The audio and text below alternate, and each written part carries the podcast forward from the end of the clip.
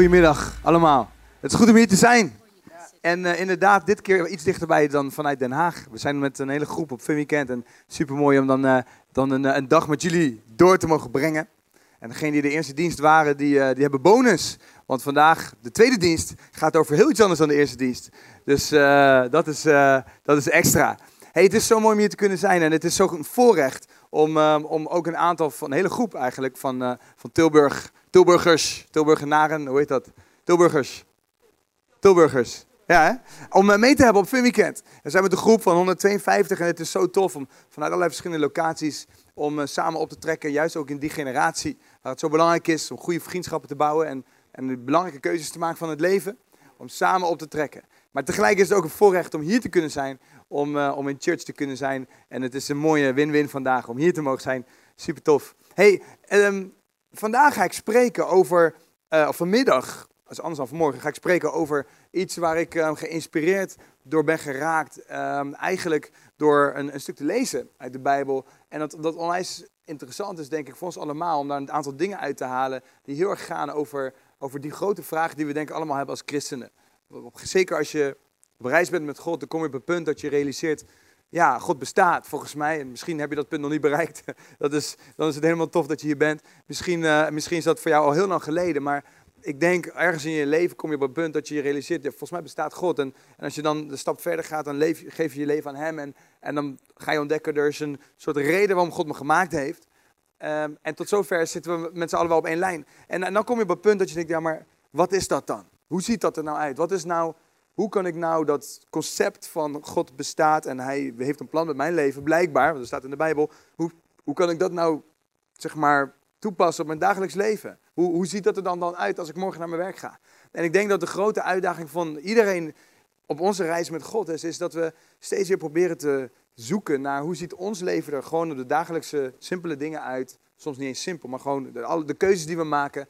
Hoe, hoe, is er niet een groot gat tussen, zeg maar, God en zijn roeping of zijn bedoelingen en gewoon mijn dagelijks leven. Toch? Dat is denk ik de zoektocht waar we mee bezig zijn. En waar we vandaag naar gaan kijken is iets wat komt uit 1 Samuel. Dus voordat we zometeen gaan bidden, wil ik graag alvast dit stukje met je lezen.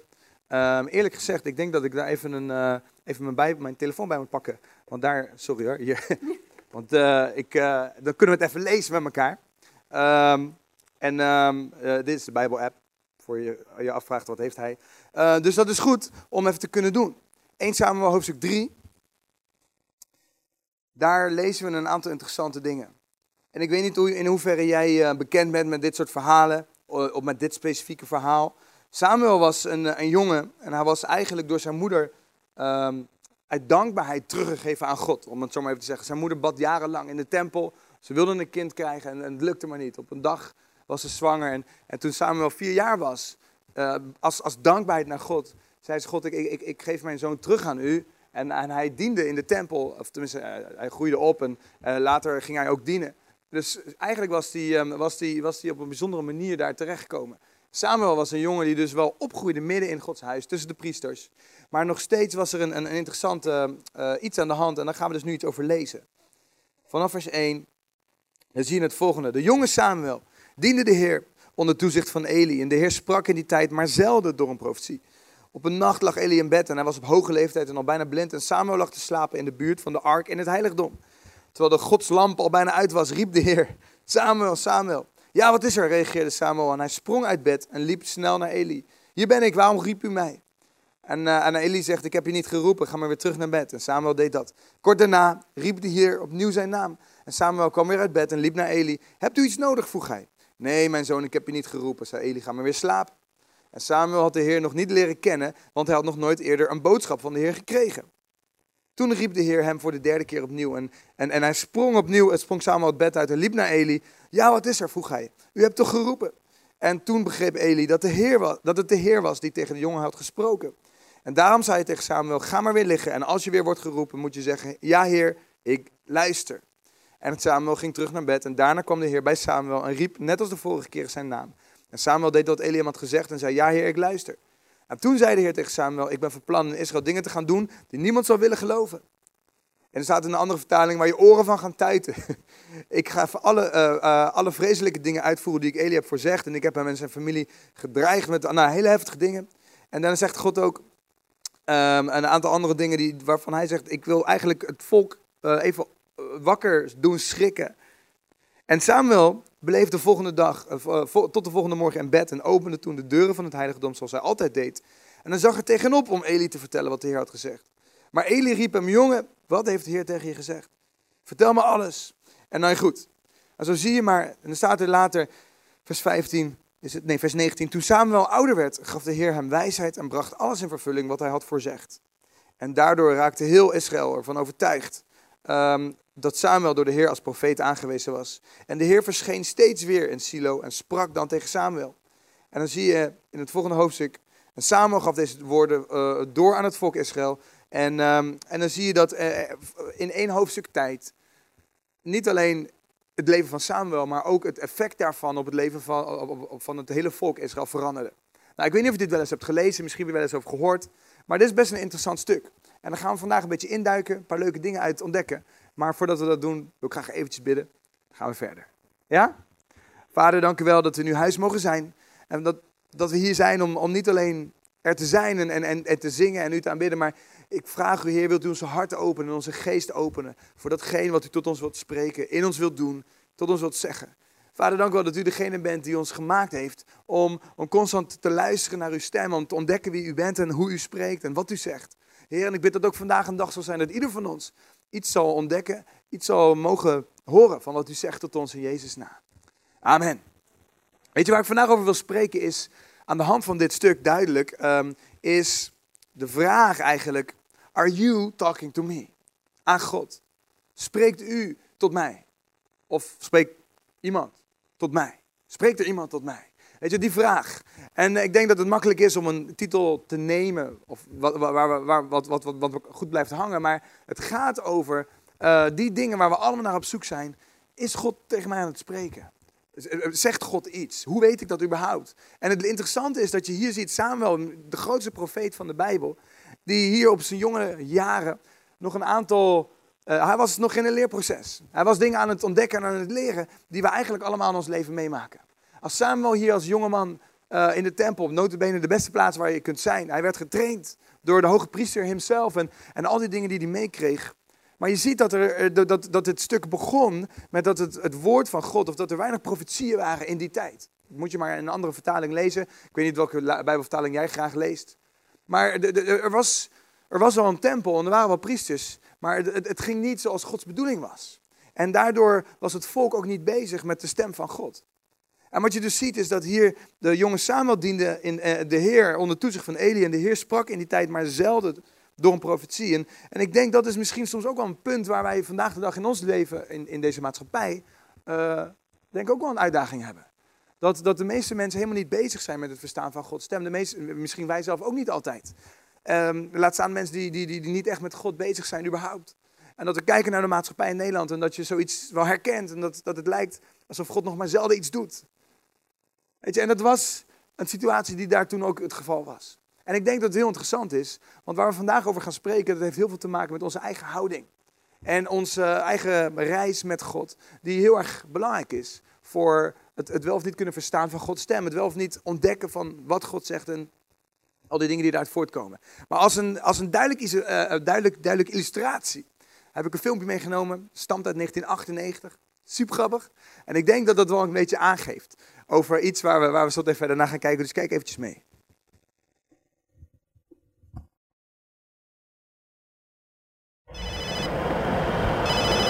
Hallo? Met Sandrine. Ja, hallo? Hallo? Hallo? Heeft u een mobiele telefoon? Nee, nee, nee. Waarom niet? Nou, dat heb ik niet nodig, want uh, ik word toch niet uh, gebeld of zo. Heeft u een uh, mobiele telefoon? Nee hoor, heb ik niet. Waarom heeft u er geen? Nou, ik zie er het nut niet van in.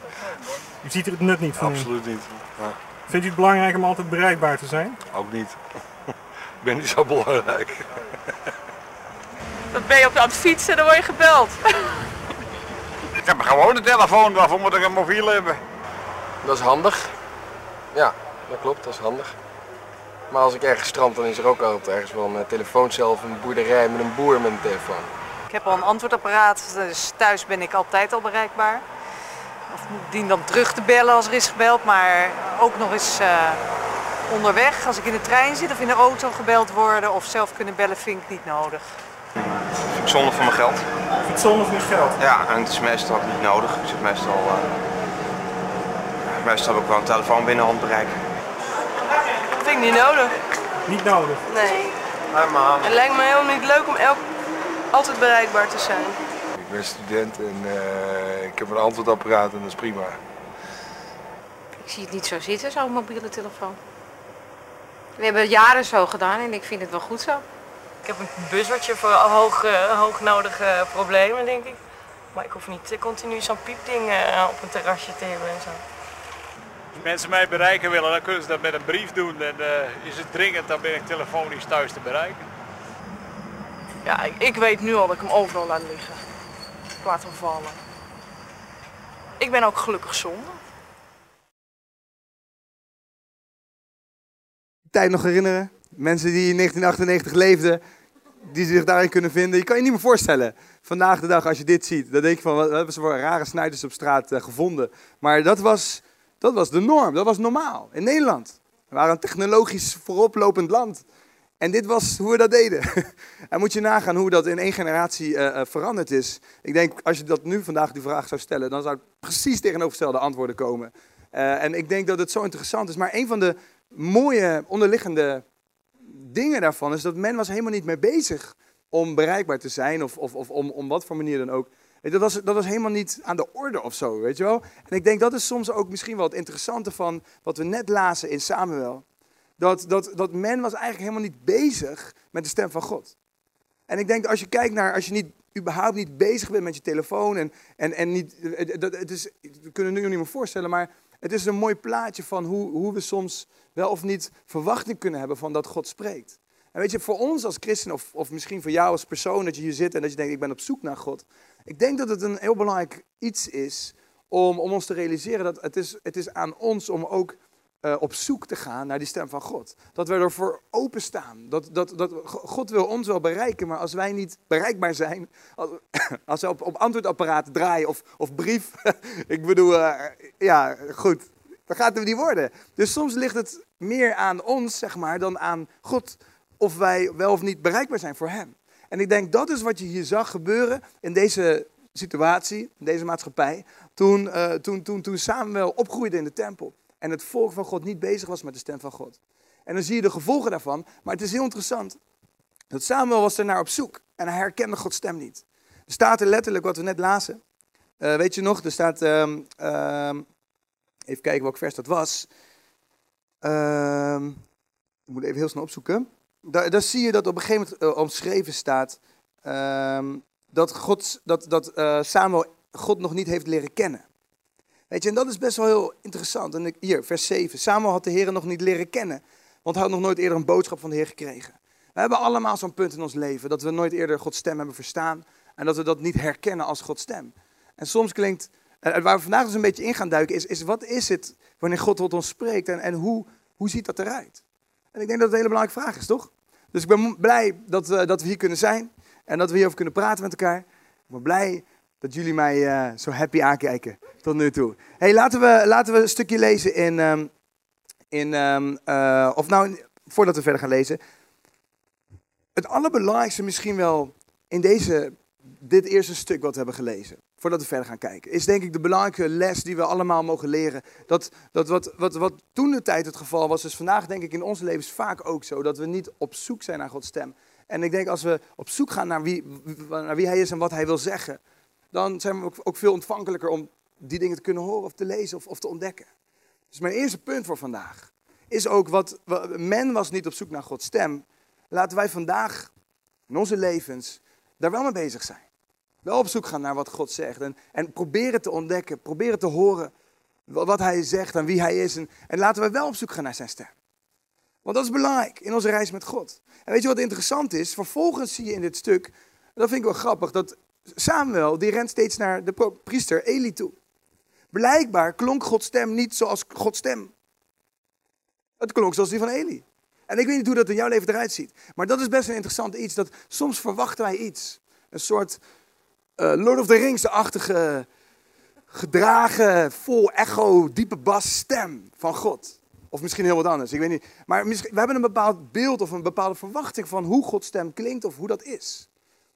En, en, en Eli hier, die niks zei, en Samuel dacht dat het Eli was, blijkbaar klonk Gods stem heel anders dan wat Samuel had verwacht. Samuel had niet eens door dat God aan het spreken was, terwijl hij duidelijk die stem hoorde en hij dacht dat het Eli was. Ik denk in, in onze levens is het zo vaak dat God waarschijnlijk tot jou aan het spreken is, maar jij hoort God daar niet in. Jij hoort misschien jouw vrouw. Iemand die dat wel eens heeft meegemaakt. Dat je denkt, eigenlijk is God aan het spreken, maar het gebeurt door je vrouw heen. En, eh, ik ben getrouwd en af en toe denk ik van, volgens mij was het van God, maar meestal denk je dat pas achteraf. Of je herkent het helemaal niet. Of je connectleider. Misschien klinkt Gods, stem wel als jouw connectleider of jouw livegroupleider. Misschien klinkt Gods stem wel als, als, die, als die, die podcast die je luistert. Op weg naar je werk. Misschien klinkt Gods stem wel als, als, als, als iets wat je, wat je niet herkent of verwacht als zijnde Gods stem. En dan denken we, God spreekt niet. Terwijl God misschien wel spreekt, maar je hebt het niet door. En dat is een van de dingen die bij Eli of bij Samuel gebeurde. En het mooie is, hij was gelukkig wel gefocust op iets. Alleen hij kon het niet plaatsen. En soms denk ik dat het voor ons een heel belangrijke, mooie les is. Dat we ons mogen realiseren, God wil spreken. En het is aan ons om, om, om steeds te vragen, Heer, wilt u tot me spreken? Wilt u mij helpen om dat te leren kennen, om dat te herkennen? Dat is een van de dingen die we op onze reis met God doen. Dat is een mooie. En soms is het iets dat vertrouwd of bekend klinkt. Weet je, en het is interessant, want in, ehm, in vers 21 staat er in de herziene staatvertaling, dit was geloof ik eh, het boek wat ik las, maar herziene staatvertaling, daar staat er, in de jaren daarna bleef de Heer in Silo verschijnen. Hij maakte zich daaraan Samuel bekend door het woord tot hem te richten. En je ziet dat Samuel vanaf dat moment in korte tijd erkend werd als profeet van God. En ik geloof dat het de bedoeling is dat wij allemaal in onze reis met God die, die- de- openstaan voor de woorden die God tot ons wilt spreken. Soms door zijn woord heen. Daar heeft hij de Bijbel voor gegeven. Soms door elkaar heen. En, en weet je, door momenten als deze in de diensten. En het is aan ons een, een reis die we gaan om, om zijn stem te leren verstaan. Weet je wat mooi is? In, in Lucas 9 zie je dat eh, eh, Jezus een, een interessante situatie schetst. Hij zegt daar, vers 23, een tekst die we zeker de wat langer meegaande christenen onder ons wel eens hebben gehoord. Tegen alles zei hij, wie achter mij aan wil komen, moet zichzelf verloochenen en dagelijks zijn kruis op zich nemen en mij volgen. Hij soms dan denken wij, als het gaat over onze reis met God, onze roeping, onze bestemming, dat, dat besef dat er ergens ligt in ons achterhoofd, of misschien op zondagen wat aangewakkerd wordt en de loop van de week weer een beetje naar de achtergrond verdwijnt, dat we denken, ja, God wil iets met mijn leven, hij wil mij gebruiken, hij wil, weet je dat soort dingen. En Jezus hier zegt tegen zijn discipelen, tegen de, tegen de andere mensen die luisteren. Hij zegt, wie, wie mij wil, eh, die achter mij aan wil komen, moet zichzelf verloochenen. Zichzelf aan de kant zetten. En dagelijks zijn kruis op zich nemen. En dat is niet echt de taal die we eigenlijk willen horen. Liefst willen we horen dat Jezus een paar engelen stuurt om ons te helpen. Onze lasten te verlichten. En dat het leven vanaf nu wat mooier wordt, wat, wat makkelijker wordt. Weet je, en, en ik denk dat het, het, het, het een gaat een beetje hand in hand met het ander. Maar we moeten vooral niet vergeten dat Jezus niet per se belooft dat het leven allemaal maar relaxter wordt. Wanneer we met hem gaan leven. En, en ook niet dat alle problemen in één keer voorbij zijn. Of dat we gespaard worden voor allerlei dingen. Maar Jezus zegt, soms is het zelfs zo dat we ervoor moeten kiezen om het kruis op ons te nemen. En wij vinden het mooi. We hebben, misschien heb jij wel een kettingje van het kruis om. Of misschien heb je iets, misschien heb je een tatoeage van een kruis. Misschien heb je iets aan de muur hangen thuis. En we vinden dat een mooi symbool. Maar eigenlijk is er niks moois aan het kruis. Toen de tijd toen Jezus dat zei, was hij zelf nog niet aan het kruis gegaan. Het kruis stond voor niks anders dan voor executie van, van misdadigers. Dus als Jezus zegt, soms dan moeten, wij, ehm, dan moeten we het kruis op ons nemen, dan bedoelt Jezus eigenlijk te zeggen, dan moeten we, dan moeten we de dood tegemoet gaan. Jezus nodigt ons uit van harte om het kruis op ons te nemen. Oftewel, hij nodigt ons uit van harte om, ik veel, levenslang de gevangenis in te gaan. Of, of wat, wat de meest, een beetje de meest vergelijkbare wat we in Nederland hebben. Maar hij, hij nodigt ons uit om, om, ons te, om, om te realiseren, dit gaat ons einde worden. En dat is niet per se heel populaire taal. Maar ik denk soms kunnen we dat kruis zo mooi om ons nek hangen. En daar trots op zijn. Weet je wel? En, en, en terwijl het staat ook voor dit gedeelte. Weet je, het staat voor, voor de dingen die, waar God ons voor roept en waarvan hij vraagt: wil je, wil je jezelf soms aan de kant zetten?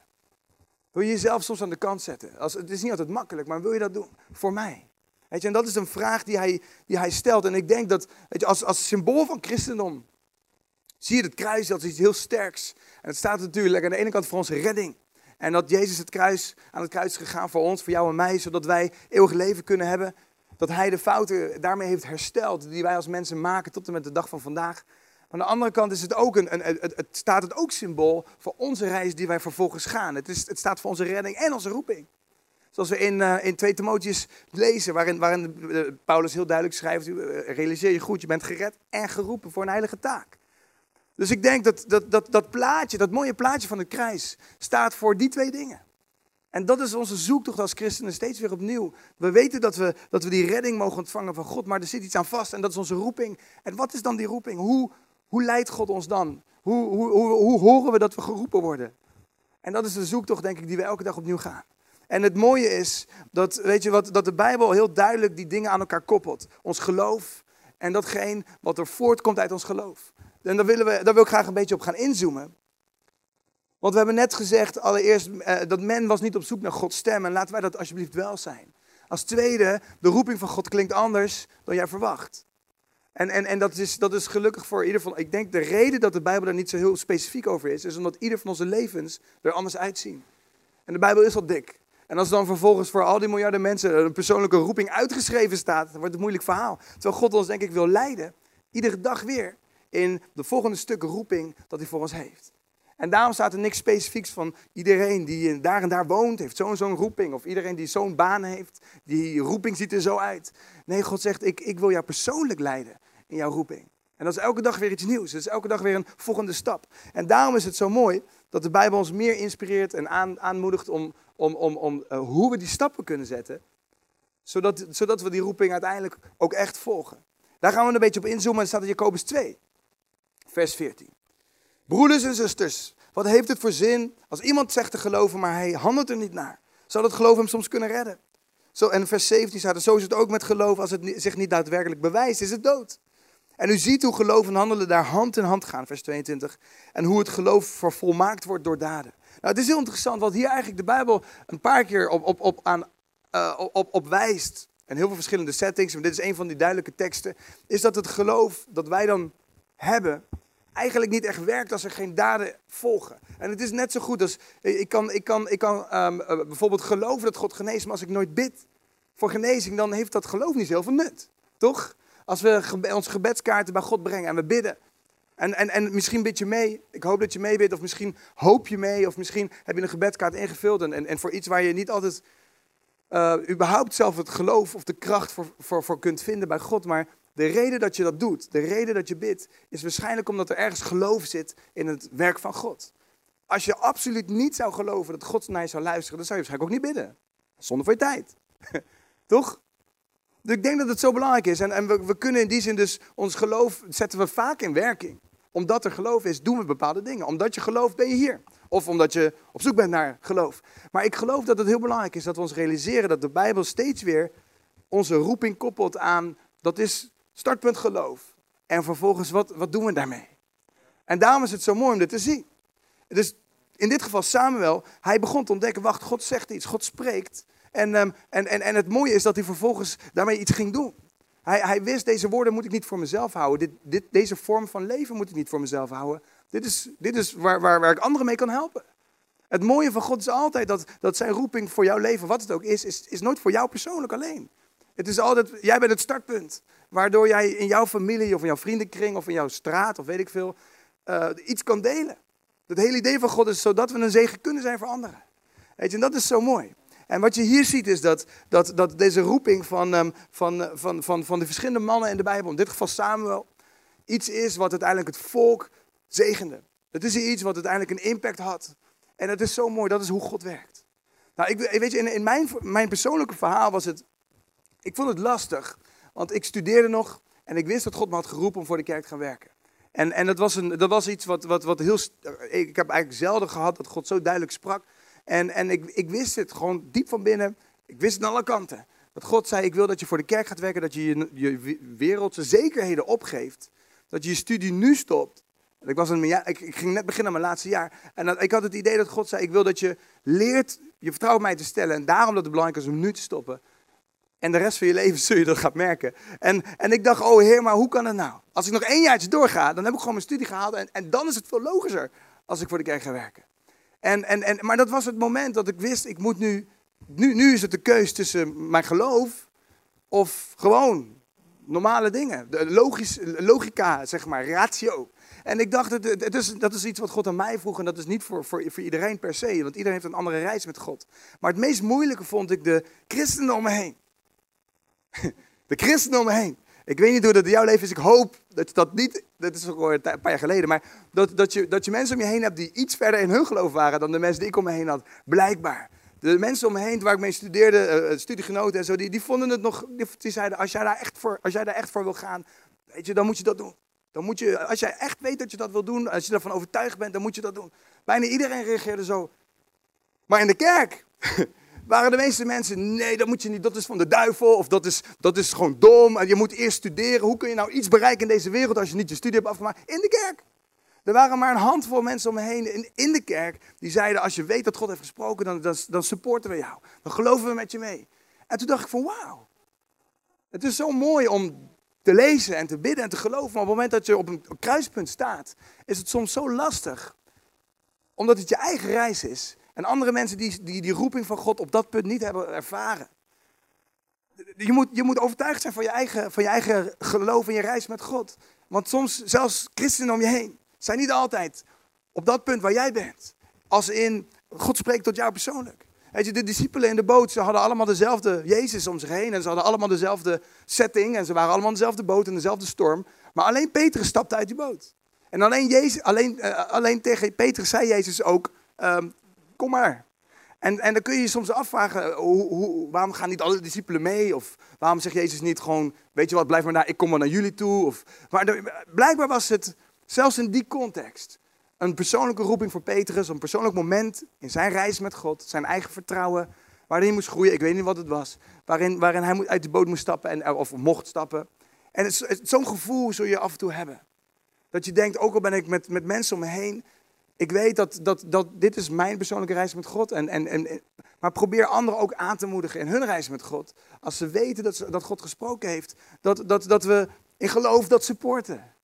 Want soms is een van de moeilijkste dingen is, is iets, te denken dat God iets heeft gezegd en dat je niet helemaal zeker weet. En, en, en, en, en dan hebben we elkaar nodig om, dat, om, om daarin te supporten. Of niet natuurlijk, want het kan ook zijn dat, dat, dat het niet van God was. Maar daar, weet je, probeer de mensen om je heen te zoeken die, die support kunnen geven in je life group of, of, of ergens anders. Waar je de reis met elkaar gaat. En waar je geloof met elkaar deelt. Waar je met elkaar meebidt. En waar je met elkaar mee support. En als je zegt, ik weet het niet zeker, maar laten we hier samen voor bidden. Dat is zo kostbaar. Dat is zo mooi. Dat is een van de redenen waarom we vandaag de dag nog steeds kerken hebben. Omdat we die reis samen gaan en we hebben elkaar nodig. Het is zo kostbaar. Nou, het mooie is dat je hier dus ziet dat, dat, dat het lijkt soms al snel dat een, een, als God spreekt, dat het klinkt als een bekende stem. En soms is dat denk ik ook zo. Maar het andere wat eh, Samuel wel moest leren was uiteindelijk dat hij niet naar Eli moest gaan. Maar dat hij ook zelf naar God moest gaan. En dat hij zelf moest zeggen, God wil, als u dat bent, wilt u dat op mij spreken.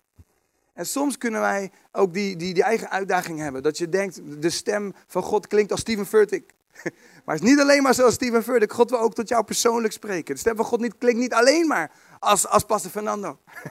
Soms spreekt hij wel er doorheen, reken maar. Maar soms is het op een woensdagavond dat je thuis bent.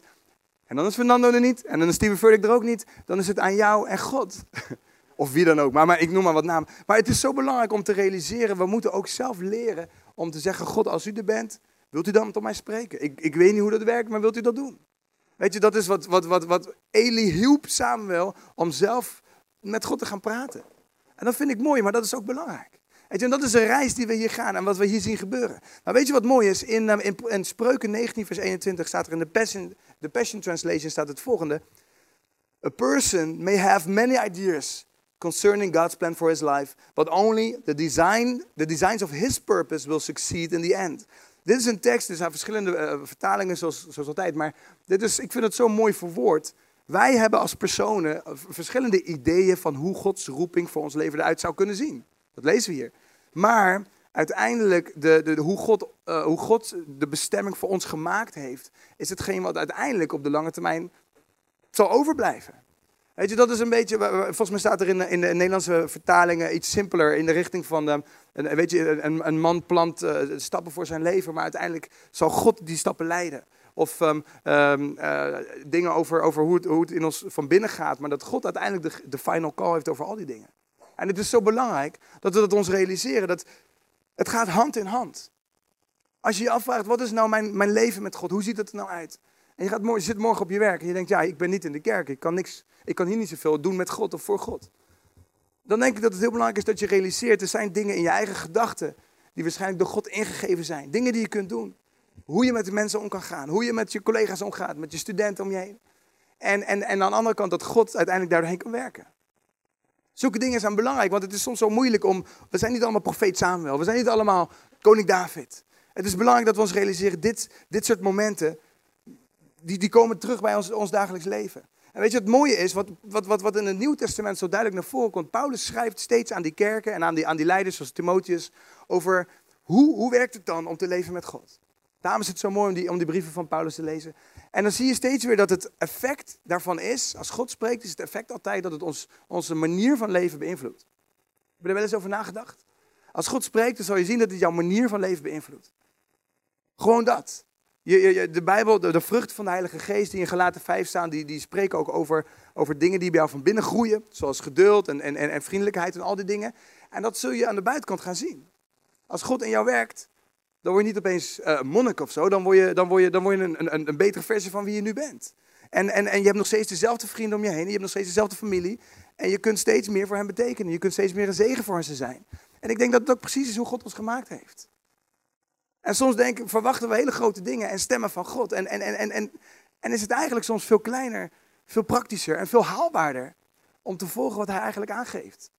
Weet je, wat we hier zien is, is iets moois. En ik denk in onze westerse maatschappij, waar we veel meer, waar we veel meer eigenlijk gewend zijn omdat het gaat over de kennis, dan kunnen we soms het, het, het, het, het normale dagelijkse leven een klein beetje, in ons geloof een beetje op de achtergrond zetten. We- omdat, we, omdat we zo opgroeien, dat, dat kennis dus een heel belangrijk iets is, denken we dat ons leven met God vooral te maken heeft met kennis. Maar het is, niet, het is niet per se de bedoeling dat we alleen maar dieper en dieper de Bijbel induiken. Maar het is vooral Gods bedoeling dat dat wat we lezen, dat het ons leven beïnvloedt. Dat het gaat over onze manier van leven. Dat het gaat over hoe, hoe we leven, over wat we doen met ons leven. En dat is zo kostbaar, maar soms is dat zo lastig. Want wij willen, het is makkelijker om een, om, een, om een Bijbeltekst te ontrafelen en vervolgens te denken, oh wauw. Dan dat we de volgende dag anders met onze collega's omgaan. Terwijl ik denk, er zit zoveel moois in, in. God heeft ons de capaciteit gegeven, met Gods geest, om juist op dat laatste gebied zoveel impact te kunnen hebben in deze stad of in deze regio. En in, jouw familie, in je straat. En dat is soms wat lastig. En weet je, en het is zo mooi, we zijn, ehm, ehm, eh, als we deze dingen lezen, dan denk ik dat het, het, het, het meest kostbare wat we zien, is in wat Matthäus 5 vers 16 staat. Wanneer Jezus zegt, hij zegt eigenlijk heel belangrijk iets in Matthäus 5. Ik geef jullie een nieuw gebod. Hou van je naaste als jezelf. Weet je wel, en, en, en al die dingen. Dat de mensen jullie kunnen herkennen door de liefde onderling. En dan zegt Jezus hier, vers 16. Zo moeten jullie licht schijnen voor de mensen. Zodat ze jullie daden zien en eer bewijzen aan jullie Vader in de hemel. Jezus hier spreekt helemaal niet over regels of over wat wel of niet moet. Of over hoe je moet je precies Gods stem verstaan. Hij zegt, als wij ons best doen, daar waar we leven, waar we zijn. Door van elkaar te houden, om daarnaar te leven, daarnaar te handelen. En ons, ons leven te openen voor de mensen om ons heen. Dan zul je zien dat het zo belangrijk is dat we, daarmee schijnen we een licht voor de mensen. Zodat ze onze daden zien en niet dat ze ons eer bewijzen, maar zodat ze God eer bewijzen. Want mensen gaan zich realiseren dat het werk van God daardoorheen is. Je kan aardig zijn voor een dag, maar als je aardig bent voor een jaar, dan denken mensen, wauw, dat is best wel bovengemiddeld. Die persoon heeft iets anders. Weet je, het was mooi om te zien. En, en, in de zomer sprak ik met iemand die werkt bij ons in de. Of die werkt niet, zit niet bij ons in de kerk, maar dat is iemand die. ehm, die, die, die werkt voor de gemeente, is adviseur van een van de wethouders. En hij, hij wilde graag met me afspreken omdat hij, omdat hij eh, wat vragen had over jongerenparticipatie. Weet je wel, dat soort dingen. En we zijn een kerk met best wel wat jongeren en dat vonden ze bijzonder. Dus hij zei, eh, eh, hij, eh, hij, hij wilde graag met me afspreken. En op een gegeven moment, vlakbij tegen het eind van het gesprek, zei hij, ja, ik ken één iemand van jullie kerk, zei hij. En zij werkte eh, ongeveer een jaar bij ons, eh, was interim, eh, weet ik veel wat allemaal. En, ehm, en hij zei, op een gegeven moment begon me op te vallen dat zij altijd positief was. Niet overdreven, maar ze was altijd positief. En, en, en op het moment dat het druk was, was zij degene die de rust bewaarde en die de spirit erin hield en weet ik veel dingen. En hij zei, aan het eind van het jaar ben ik haar gaan vragen, waarom is dat zo? En toen, zo ben ik bij jullie terechtgekomen. En toen dacht ik van, wauw, nou, dankjewel, uh, beste Tamara. In dit geval is het Tamara, dat je je gedragen hebt op je werk. dat je een beetje je best hebt gedaan. Maar ik dacht, dit is, dit is hoe zo iemand uiteindelijk bij ons en, en bij God terecht is gekomen door de levensstijl van een collega. Heeft niks heel, veel te maken met Gods engelen of stem, duidelijk zichtbaar in een visioen of in een droom. Maar gewoon door de levensstijl van een collega. En zij heeft het waarschijnlijk niet eens doorgehad. Ik heb het haar later verteld. Dus ze zei, oh wauw, dat wist ik niet. En ik zei, maar deze gast, ik heb hem gesproken. En hij zei, helemaal aan het eind, ja, dat kwam trouwens door jou. En ik dacht, dit is eigenlijk waarschijnlijk hoe God ons zoveel vaker wil gebruiken dan dat wij ons realiseren. En wij verwachten van die Samuel momenten. Maar soms dan verwachten we het van de verkeerde. Of dan, dan gaan we terug, dan zoeken we het op de verkeerde plaats. Terwijl er zoveel momenten in ons leven zijn waarin God ons kan en wil gebruiken. Als we maar openstaan voor de stem die hij heeft. En weet je wat het mooie is? Derde laatste punt. Onze roeping is altijd nu. Het is nooit iets wat verder weg in de toekomst ligt. Onze roeping is altijd nu. En het is altijd met wat je nu al in je hand hebt. Als er één ding is wat de Bijbel ons leert, gelukkig maar, dan is het niet dat we eerst een hele lange reis moeten gaan voordat we op een startpunt van onze roeping komen. Nee, onze roeping is op het moment dat God je heeft gered en dan zegt hij, ik red jou en ik roep jou. En dat betekent, het gaat vandaag in. En het is een reis die we gaan. En elke dag weer opnieuw wil ik tot jou spreken, wil ik je verder helpen en wil ik jou gebruiken om een licht te zijn. Weet je, soms kunnen we ons, ons, ons, ons wat meer um, gedisqualificeerd voelen als het aankomt op ons leven met God. Dan, dan, denken we, ja, die mensen die op het podium staan, die, uh, die doen dat. Of weet je, vorige week hadden we David de Vos en hij was, hij was mijn, mijn leider voor een paar jaar. En, en ik dacht altijd, ja, God heeft hem duidelijk geroepen, want dat weten we allemaal. Maar in mijn leven kan ik dat niet zo goed plaatsen. Maar het is zo belangrijk dat we ons realiseren, onze roeping is altijd met datgene wat ons nu gegeven is. En datgene wat we nu in onze hand hebben. God vraagt geen dingen van je die, die je niet kunt. Maar hij vraagt wel om, om, om onszelf te openen, ons leven te openen. Voor nu en met datgene wat we wel hebben. En dat is zo belangrijk. Weet je, we gaan, ons, we gaan afsluiten en we gaan zometeen een moment nemen God te aanbidden. Maar ik wil je vragen, als we kijken naar deze dingen, de belangrijkste vraag voor nu, als we zometeen God gaan aanbidden, om, om, om, om opnieuw aan God te vragen, Heer, wilt u mij helpen om uw stem te verstaan? Gewoon de, de kleine dingen, de, het klinkt misschien niet als uw stem, maar ik realiseer me dat u soms wel veel vaker spreekt dan ik denk. En wilt u me helpen om dat te herkennen en om daarna te handelen? In de grote en in de kleine dingen. Weet je, en dat is mooi. En dan kom ik straks bij je terug om, om je nog een andere vraag te stellen. Maar laten we een moment staan met elkaar. En met de worshipteam erbij. Om God te aanbidden. Momenten nemen. Om te kijken naar onze eigen levens. Misschien is God al tot je aan het spreken geweest. Misschien is hij al maanden tot je aan het spreken. En jij dacht dat het Eli was. Jij dacht dat het een, uh, gewoon een bekende stem was. Een gedachte wat in je hoofd zat, wat misschien verder niet, niet zo impactvol was. Maar het kan best zijn dat je als je nu opnieuw vraagt, God wilt u mij laten zien? Dat God zegt, ik, ik was al aan het spreken, alleen tot nu toe heb je het niet gehoord. Weet je, en ik denk dat het voor ons allemaal in zekere mate wel geldt. Dat is de uitdaging van het leven in een imperfecte wereld en met een vijand aan het werk. Maar ik wil je vragen om zometeen als we gaan naar bidden, om een moment te nemen in gedachten, Heer, ik wil mij meer openen voor uw stem. En ik wil me er veel meer naar, naar bewegen. Help mij daarbij. Ik wil dat ontdekken. Zullen we dat doen?